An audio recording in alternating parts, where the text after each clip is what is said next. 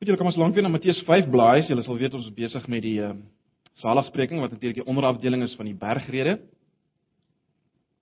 Goed, as julle by Matteus 5 is, kom ons uh, kom ons vra net dat die Here self uh, vir ons ook sal help vanaand se studie.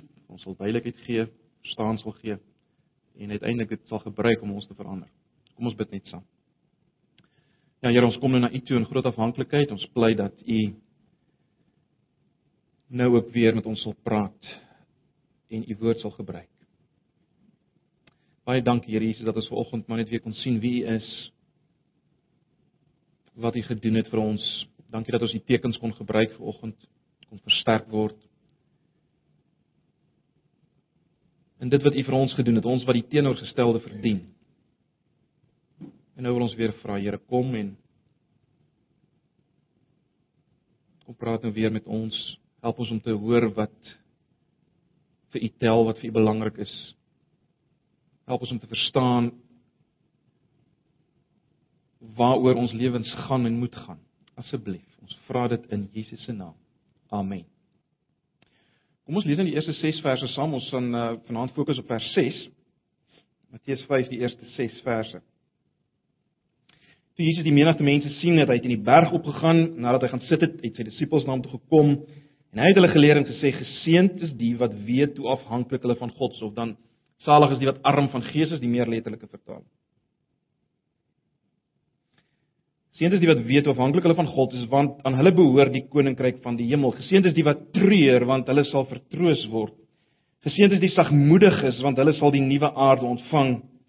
Geseënd is die wat honger en dors na wat reg is want hulle sal versadig word.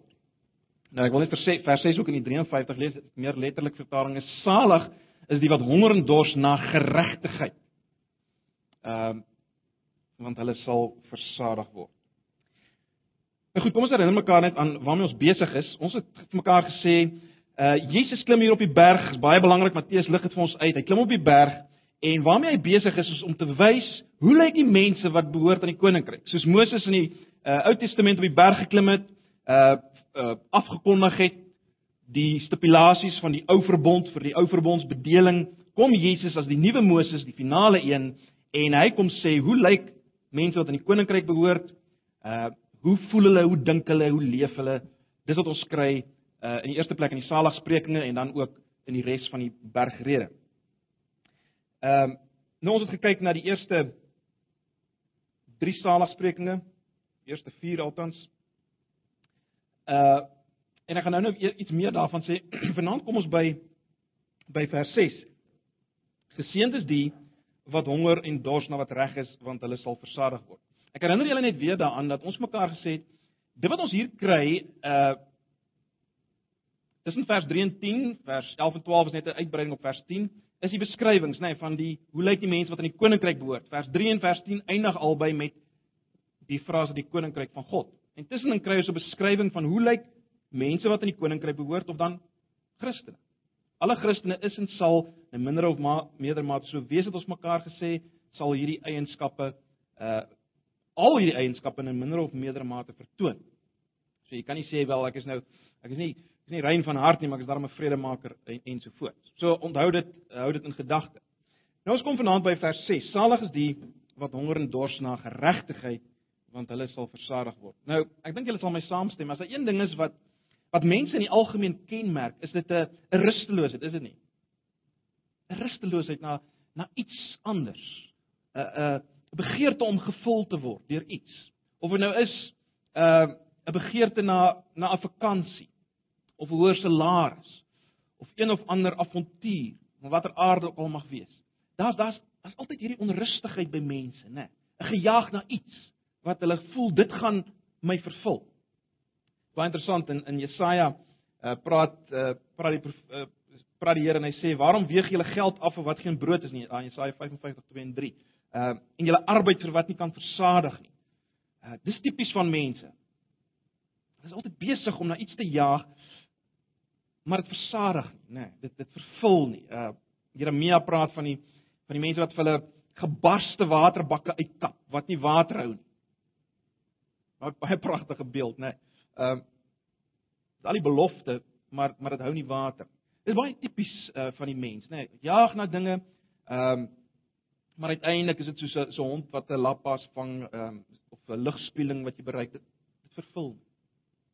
Alles gaan maar weer oor, maar weer verby. Ehm um, die tan wat jy opgetel het op die vakansie, dit verdwyn maar weer. Jy weet, daai tipe van ding. Ah, dit is maar net so. Dis die kenmerk van lewe in die algemeen. Ek dink julle sal my saamstem. Ehm um, en dit is natuurlik omdat ons gemaak is vir iets meer. C.S. Lewis het 'n baie mooi aanhaling. Hy sê, "If I find in myself a desire which no experience in this world can satisfy, the most probable explanation is that I was made for another world." Baie mooi gestel, né? Uh niks versadig hier. Maar daar is hierdie die gejaag na dinge. Jy kan amper sê, "O, oh, honger en dors na baie dinge."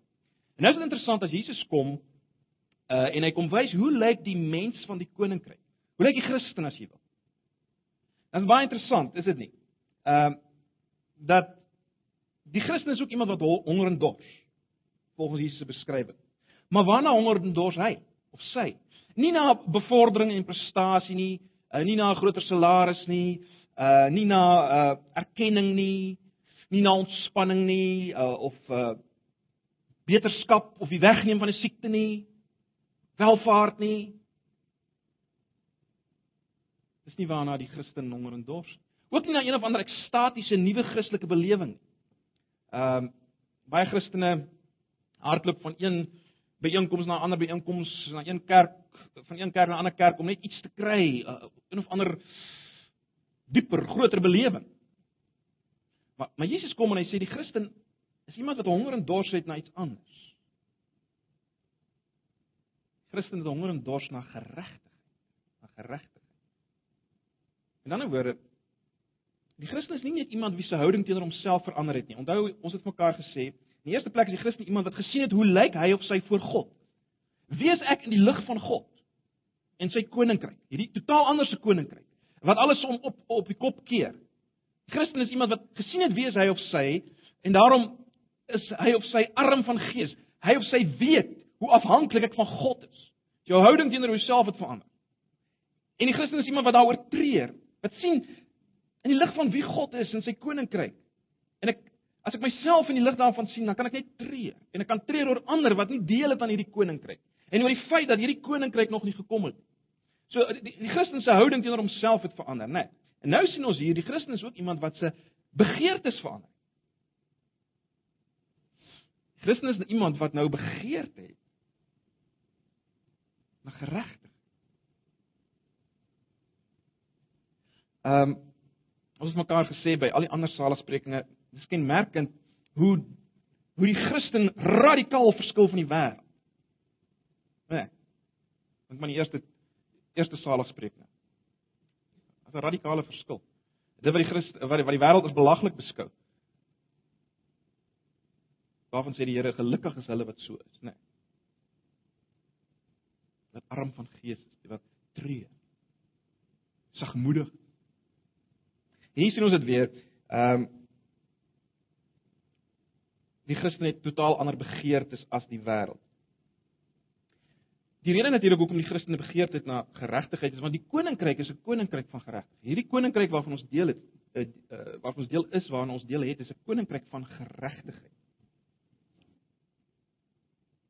So, wat ek wil hê ons moet vanaand na kyk is, wat is die aard van hierdie geregtigheid waarna die Christen honger en dors? Nou dit gaan so 'n bietjie tegnies wees vanaand en dan later uh met die volgende geleentheid gaan ons gaan ons gaan ons nou dieper aan as ons aangaan met die met die saligsprekinge sal sal baie van die dinge duideliker word. Maar goed, ons wil vanaand net vasstel wat is die aard van hierdie geregtigheid waarna die Christen honger en dors en dan wat is die aard van hierdie honger en dors en en hoe word dit vervul? Hoe gaan dit oor in in die satisfaksie wat hy beloof? Hoe word dit versadig? So wat is hierdie geregtigheid? As Jesus sê salig is die wat honger en dors na geregtigheid of dan soos die 53 uh, 83 vertaling dit vertaal na dit wat reg is. Wat is dit? Wat is dit? Nou baie van die ouer kommentatore, predikers, ehm uh, het hierdie geregtigheid in verband gebring met dit waaroor Paulus praat in Romeine, en hy die gereg uh geregtigheid deur die geloof, die hele leer van regverdigmaking, die feit dat uh ons geklee word met iemand anders se reg wees met God, Jesus se geregtigheid, uh en hulle het dit hier ingelees as te ware as ek so kan stel dat dit is waarna die Christen begeer om in die regte verhouding met God te staan. Daardie geregtigheid te hê voor God. Uh, iemand soos Dr. Martin Lloyd Jones, vir wie ek geweldig baie respek het, hy hy interpreteer dit so. Maar ek ek wil dit waag om te verskil. Ek dink uh hulle mis die punt op op hierdie punt. Dit is 'n Lloyd Jones se se se reeks oor die bergrede is on, ongelooflik goed, maar op hierdie punt dink ek uh maak hulle wel 'n fout. Ek dink dit gaan hier oor oor die geregtigheid waarvan Paulus praat in Romeine nie. Ek dink nie dis die geregtigheid waaroor dit hier gaan nie.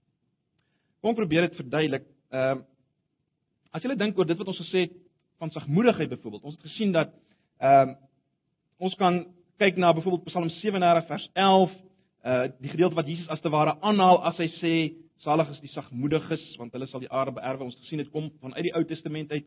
Um, So ons kan daarna kyk as ons verder kyk in die in die in die in die in die in die bergrede dan kom die woord sagmoedigheid nie regtig na vore nie. So ons kan nie daar gaan kyk wat beteken sagmoedigheid. Nee. So ons ons kry ons betekenis van wat sagmoedigheid beteken grootliks uit die agtergrond van die Ou Testament. Maar as mens kom by by hierdie salaspreking, dan is dan is dit geen aanhaling uit die Ou Testament nie. Ehm um, En soos ek reeds gesê het, ek dink nie dis 'n verwysing na Paulus se se regverdigmaking of sy leer van regverdigmaking nie. Ons moet kyk hoe hoe Matteus geregtigheid gebruik. Wat bedoel hy onder leiding van die Gees met geregtigheid? Hoe gebruik hy dit? Wat is geregtigheid volgens Matteus? Nou is baie interessant. En dan spesifiek in die bergrede, hoe gebruik hy dit in die bergrede, hierdie woord geregtigheid? En dit is baie interessant as jy nou kyk na die bergrede, dan sien jy die woord geregtigheid, uh, so ek sê die 83 vertaling vertaal dit met dit wat reg is. Maar die woord geregtigheid kom 5 keer voor in die bergrede. Hier in vers 6 kom weer in vers 10 voor van hoofstuk 5, dan weer in hoofstuk 5 vers 20, dan in 6 vers 1 en in 6 vers 33. So 5 keer kry ons die woord geregtigheid in die bergrede. Dit is baie belangrik, né? Nee. So die beste manier om vas te stel wat bedoel Jesus hier in vers 6 is om te kyk wel wat kan ons aflei uit die ander gevalle waar daar sprake is van geregtigheid, né? Nee, ek dink tog dis 'n eerlike manier om om te gaan met die skrif hier. Nou ons het uiteraard nie tyd om in detail in te gaan op op elke gebruik van geregtigheid nie, maar kom ons kyk net na wat die naaste is.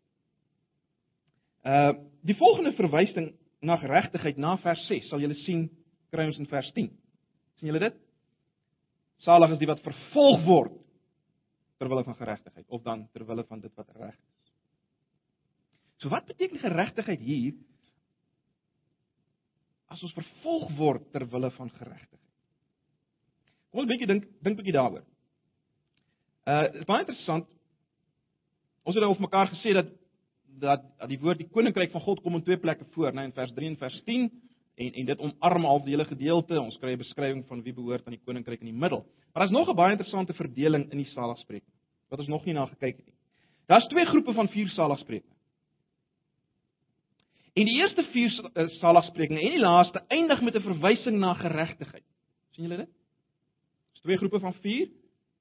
Eerste vier eindig by vers 6, verwysing na geregtigheid. En dan die tweede groep eindig by vers 10 en dan sal weer 'n verwysing na geregtigheid. sien julle dit? Vers 6 salig is die wat honger en dors na geregtigheid. Dis hoe die eerste groep eindig. Die eerste groep salig spreek nie. Die tweede groep eindig in vers 10. Salig is die wat vervolg word ter wille van geregtigheid. Nou hoe meer mense daaroor dink, hoe meer betekenisvol word. Kyk bietjie na die eerste 3 saligsprekinge voor vers 6. Voor vers 6 se honger en dors na geregtigheid. As jy kyk na daai saligsprekinge, is dit almal 'n beskrywing van wat ek kan noem leegheid of passiwiteit. Daar's arm van gees vers 3. Dis 'n leegheid. sien nou dat ek niks het en is nie. Dan is daar 'n treur oor my toestand en die van die wêreld vers 4. En dan is daar 'n nederige aanvaarding van kritiek sonder om myself te verdedig en te veg vir my regte, sagmoedigheid, né? Nee. Het gesien hoe lyk ek voor God? Het getreur daaroor en daarom druk ek nie myself af op iemand anders nie. Ek ek aanvaar die kritiek. Want ek weet weet ek verdien en ek meer kritiek. Maar dit, dit alles sal julle saamstem is 'n soort van 'n 'n leegheid. Dit dis nie kenmerke van 'n volheid wat oorvloei nie. as ek dit so kan stel. Nee, daar's nie daar's nie sprake van 'n volheid wat oorvloei nie. Dis wel saligsprekinge. Dis uiters belangrik. Dis kenmerke van die kind van God. Elke kind van God is en sal so wees. En nie net aan die begin van jou Christendom nie, dwars deur jou Christendom sal iets daarvan sigbaar wees. So dis baie belangrik op sy plek.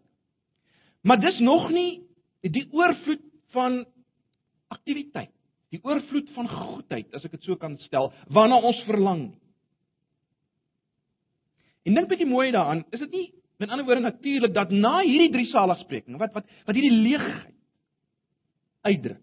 Is dit nie vanselfsprekend dat dat na hierdie drie saligsprekinge Jesus nou sal sê salig is die wat honger en dors na geregtigheid. Met ander woorde, die wat nou 'n begeerte het, 'n verlange het om gevul te word met iets wat oorloop, met hierdie met geregtigheid. Met ander woorde, wat probeer ek sê?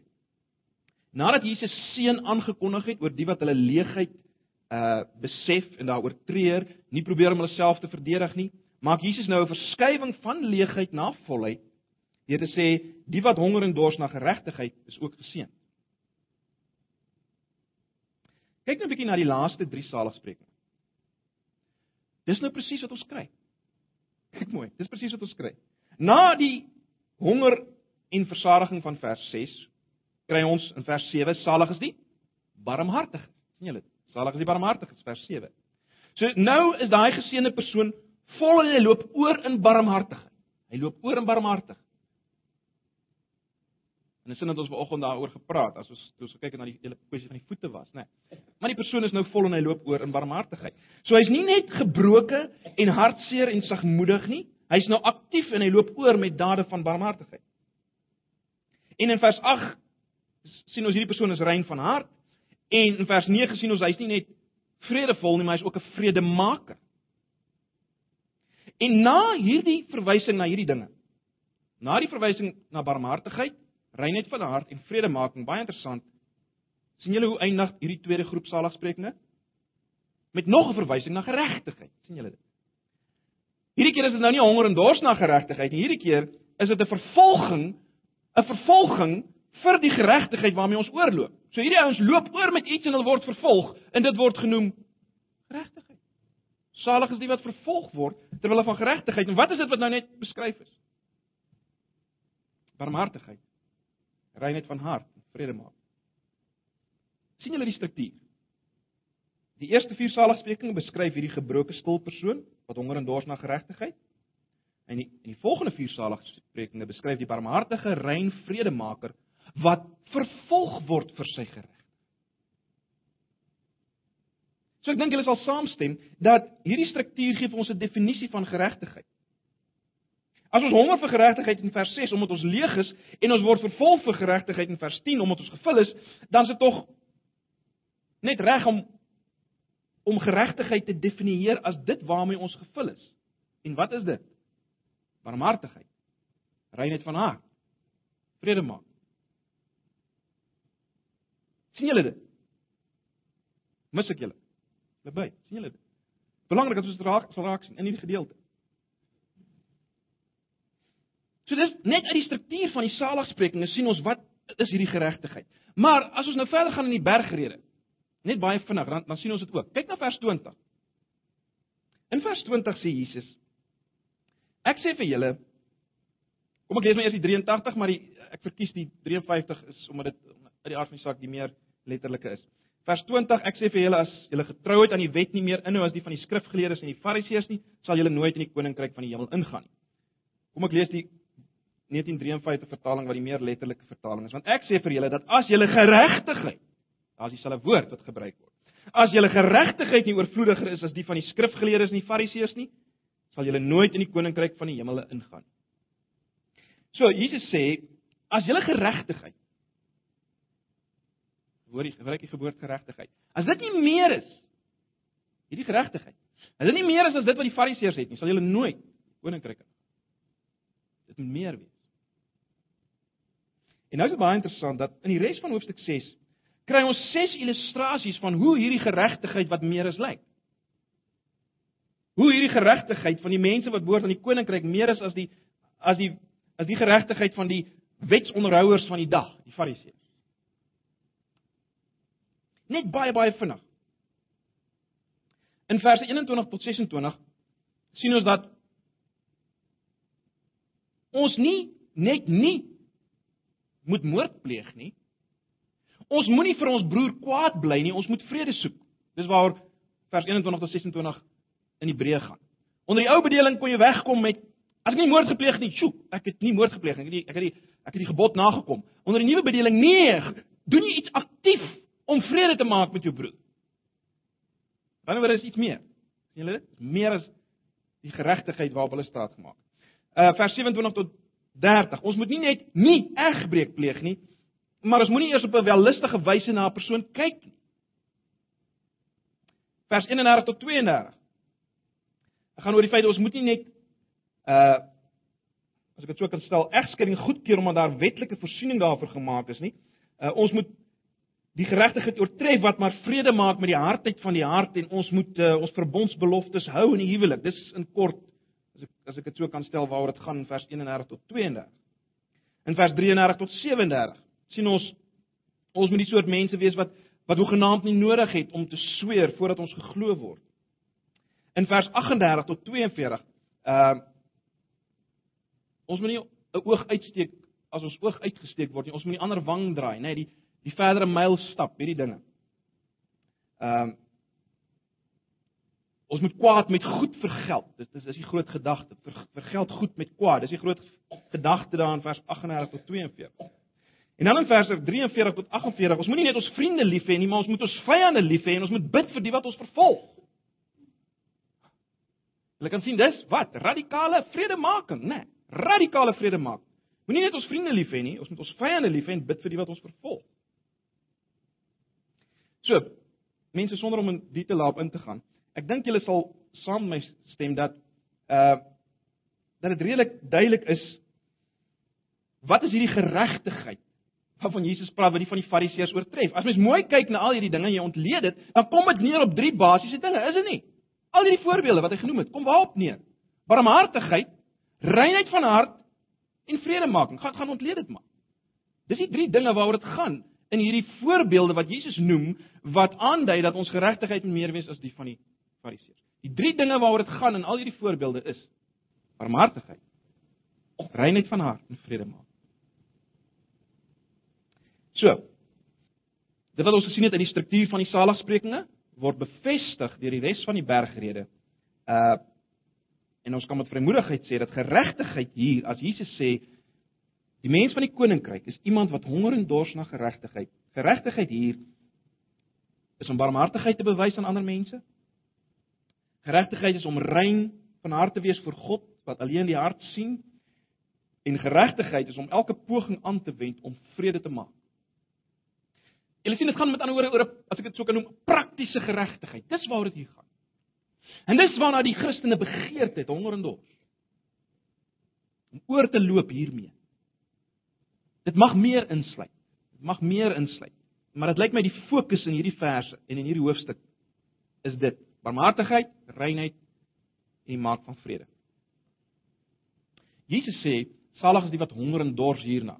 Nou, nou wat sê hierdie metafoor vir ons? Wel, ek dink eenvoudig dit, nê, nee, die die Christen is iemand wat 'n intense behoefte het. As jy honger en dors het, 'n uh, honger en dors is geweldig intense behoeftes. Nou mens mens mens verstaan dit moeilik as jy nog nie regtig honger was en regtig dors nie. Dink min van ons is al regtig honger en regtig dors. Uh maar dis intense behoeftes. Dis 'n alles oorheersende begeerte, né? Nee. Uh jou jou alles oorheersende begeerte, iemand wat werklik honger en werklik dors is, jou alles oorheersende begeerte is dat daai honger gestil word en daai dors geles word. Dis al. Dis wat dis wat dis jou dis jou dis jou groot begeerte, alles oorheersende begeerte. Jy's desperaat. Jy kan aan niks anders dink nie.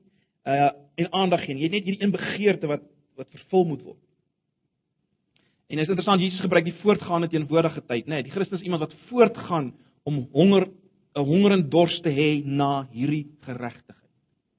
Wat voortdurend, met ander woorde, die Christus voortdurend bewus uh van hierdie behoefte om oor te loop met hierdie dinge. Barmhartigheid, reinheid van hart vrede maak. Miskien sê op hierdie punt, maar Jakobus, is dit nie so dat ons 'n honger en dors na God moet hê nie, na Jesus moet hê. Wel, daar's geen teenstrydigheid. Matteus 6 vers 33 sê Jesus soek eers die koninkryk van God en sy geregtigheid. Jy sien, die geregtigheid waarvan ons hier praat, dis God se geregtigheid en dit is Jesus se geregtigheid. 'n praktiese geregtigheid as jy dit nou so wil afbak. Wie is die groot barmhartige een? Ons het vanoggend gesien, né? Jesus. Hy's die groot barmhartige een. Hy het ontsaglike barmhartigheid in ons bewys.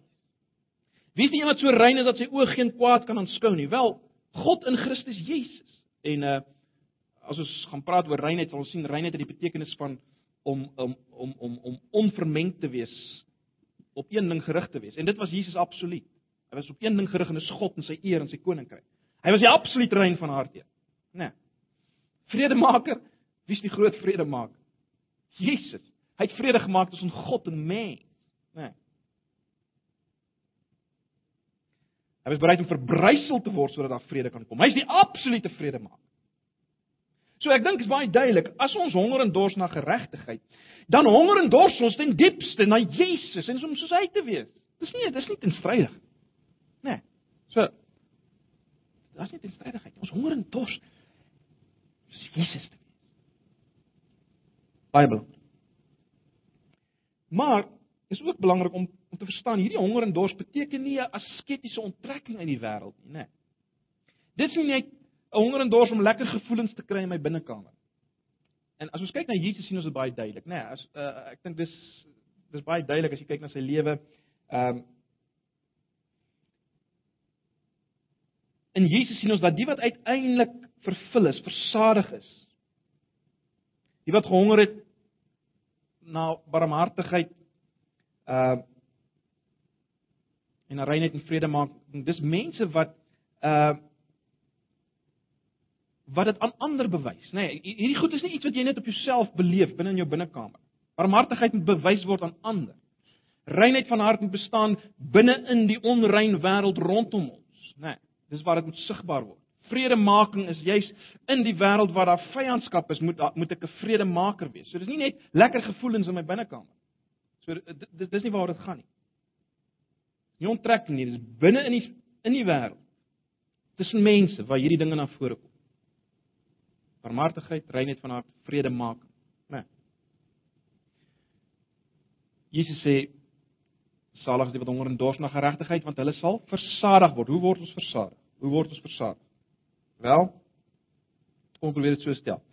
Elke keer as ek en jy deur die krag van die Heilige Gees daarin slaag al is dit hoe gering om barmhartigheid te bewys.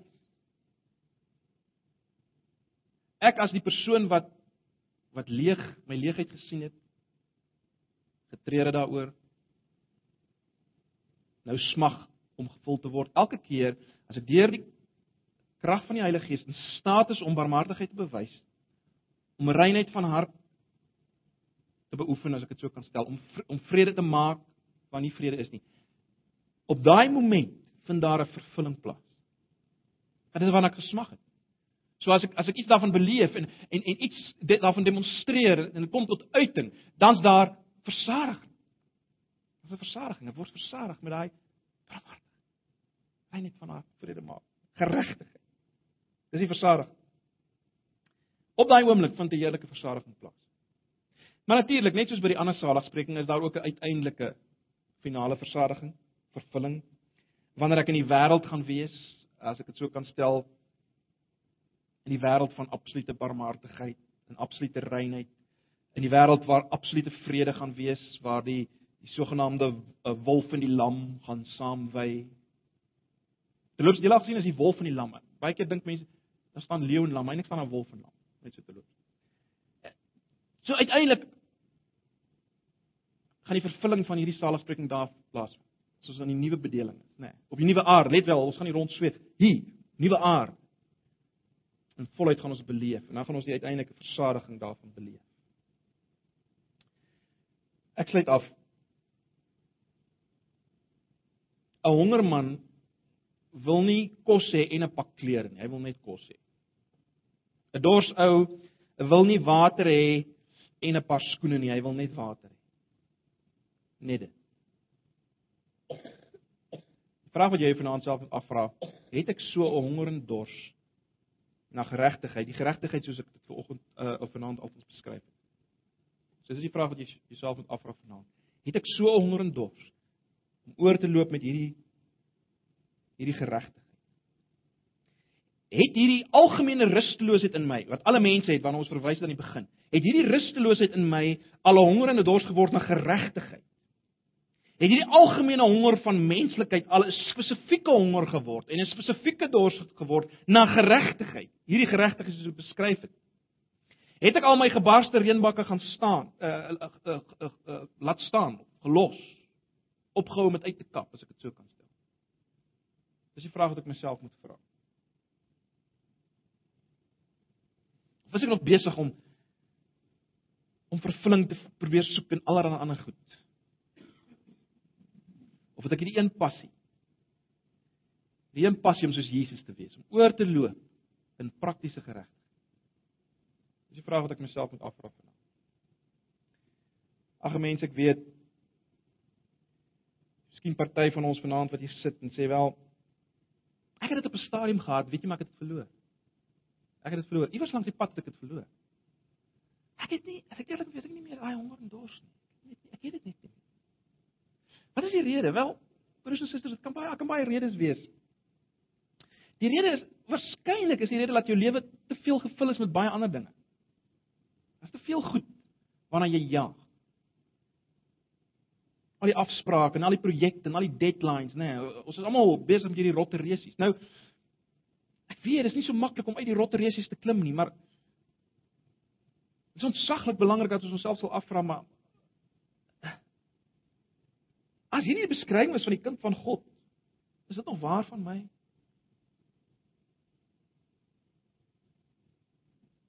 Wat is die antwoord? Wat moet gebeur? Wel, ek dink die antwoord is om weer 'n persoon te word van een ding. En dis die koninkryk. Die koninkryk moet weer die alles oorheersende ding word vir my lewe.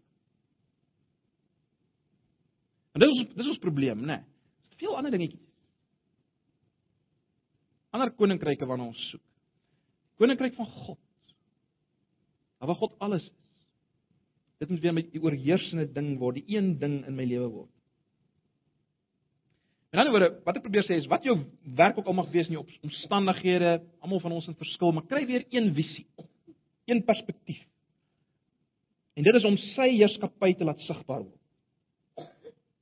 En hoe meer dit jou fokus is, om sy heerskappy te laat sigbaar word. Wel, dan gaan jy agterkom as ek sy heerskappy wil laat sigbaar word, wel wel dan het ek nodig om oor te loop in barmhartigheid, reinheid van hart en vrede maak. Want dit laat iets sigbaar word van God se heerskappy. Jy sien? So. As jy iewers langs die pad hierdie honger en dors verloor het, kom terug kry een visie. Koninkryk Jy kan hierdie koninkryk laat sigbaar word as jy gevul word met hierdie dinge en oorloop daarmee. En natuurlik as ek weer een visie kry die koninkryk en ek sien myself in die lig van hierdie koninkryk en die lig van wie God en Jesus is, dan sal ek weer arm van gees raak, sal weer begin treur. Sal myself nie verdedig, veg vir myself nie en ek sal 'n honger en 'n dors hê om om oor te loop. So dit dit dis net hoe dit werk. Dis net hoe dit werk. Broers en susters, dit is maar al wat ek met julle wil deel. Salig, gelukkig, die wat honger en dors na geregtigheid. Dis wat Jesus sê, gelukkig die wat honger en dors na geregtigheid. Hulle sal versadig word.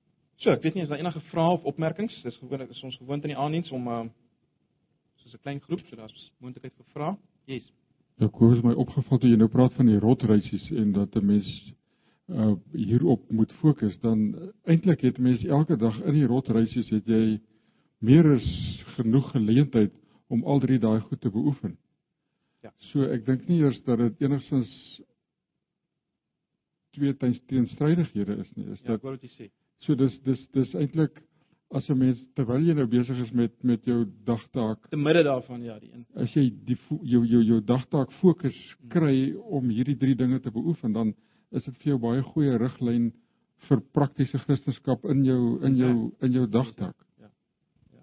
Ja, ek dink prakties uh, ja, soos ek gesê het, ons kan, ons kan nie almal ons uh, uh, jy weet, ons kan nie en dis om ek sê dit gaan nie oor as asketisme onttrek nie. Ons kan nie almal ewe skielik ons werk en goed los nie. Maar ek dink die geheim is en en dis 'n groot onderwerp. Ek dink dit het al na, na verwys. Uh dis iets wat ek net onlangs ook gelees het wat die ou baie die punt maak van hoe belangrik dit is om te midde van ons drukprogramme en goeters doelbewus tye te maak wat ek stil word en bewus word van God, fokus op hom, sy heerlikheid en sy koninkryk. Dis amper die soos hy dit sê, dis amper die ankertou wat ons wat ons hou binne binne in hierdie storm waarin ons osself bevind. En ek dink as as ons dit kan regkry. Jy sien as ons nie meeges net totaal meegesleep word nie, maar binne in hierdie ding, al is dit 'n paar minute op 'n dag, maar tye kry wat ons net weer fokus op God en stil raak, dan en en dan stel hy ons in staat, soos jy sê, om te midde daarvan hierdie dinge te bewys en en oor te oorklop daarmee. So ja, ek dankie aan. Ja, die goed staan nie teenoor mekaar. En uh, dis nie 'n oproep tot uh los alles, gaan bly in die woestyn nie. Nee. Want dis juist binne in hierdie wêreld. Die geheim is om om die twee bymekaar te bring om in hierdie wêreld stil te word. Ehm um, honger en dors en dan ja, dit te bewys hierdie geregtigheid in my beroep waar die Here my gesit het in my my dagtaak. Ja. Goed, is eintlik nog op Jesus Hendrik. Ja. Ja ja. Die siel dors na God. Soos 'n wildsbok smag na waterstrome, so smag ek na U o God. Ek dors na God, na die lewende God. Wanneer kan ek gaan en voor God verskyn? Ja. Ja, soos 'n wildsbok wat smag na waterstrome. Ja, dis die kenmerk van die kind van God. Selfs in die ou ou bedeling was die die ware kinders van God soos Dawid het 'n smagting gehad na na God sy gereg. Nog enige op of aanmerkings anders kan ons gaan tee drink. Dit was 'n lang dag. Ag Here baie dankie dat ons hierdie paar oomblik kon stil wees. Dankie vir hierdie ongelooflike gedeelte in u woord, saligsprekinge, die bergrede. Here Jesus, uh, u weet ons laat nie reg geskied hier aan soos ons moet nie. Ek wil vra dat iemand net self deur die werking van die Gees hierdie dinge ehm um, sal bevestig in ons harte. Dat jy ons weer sal terugbring. Here, u ken ons elkeen. U weet dat die vanaand van ons hier sit wat weet dat ons nie meer honger en dors het na u soos ons moet hê nie. Dat ons nie honger en dors het na geregtigheid. U ken ons. Ons kan u nie bluf nie. En daarom wil ek vra dat u self u vingers sal lê vanaand op ons elkeen se lewens, asseblief. Ons terugbring. Ons vra dit in Jesus se naam. Amen. Goed, dankie julle.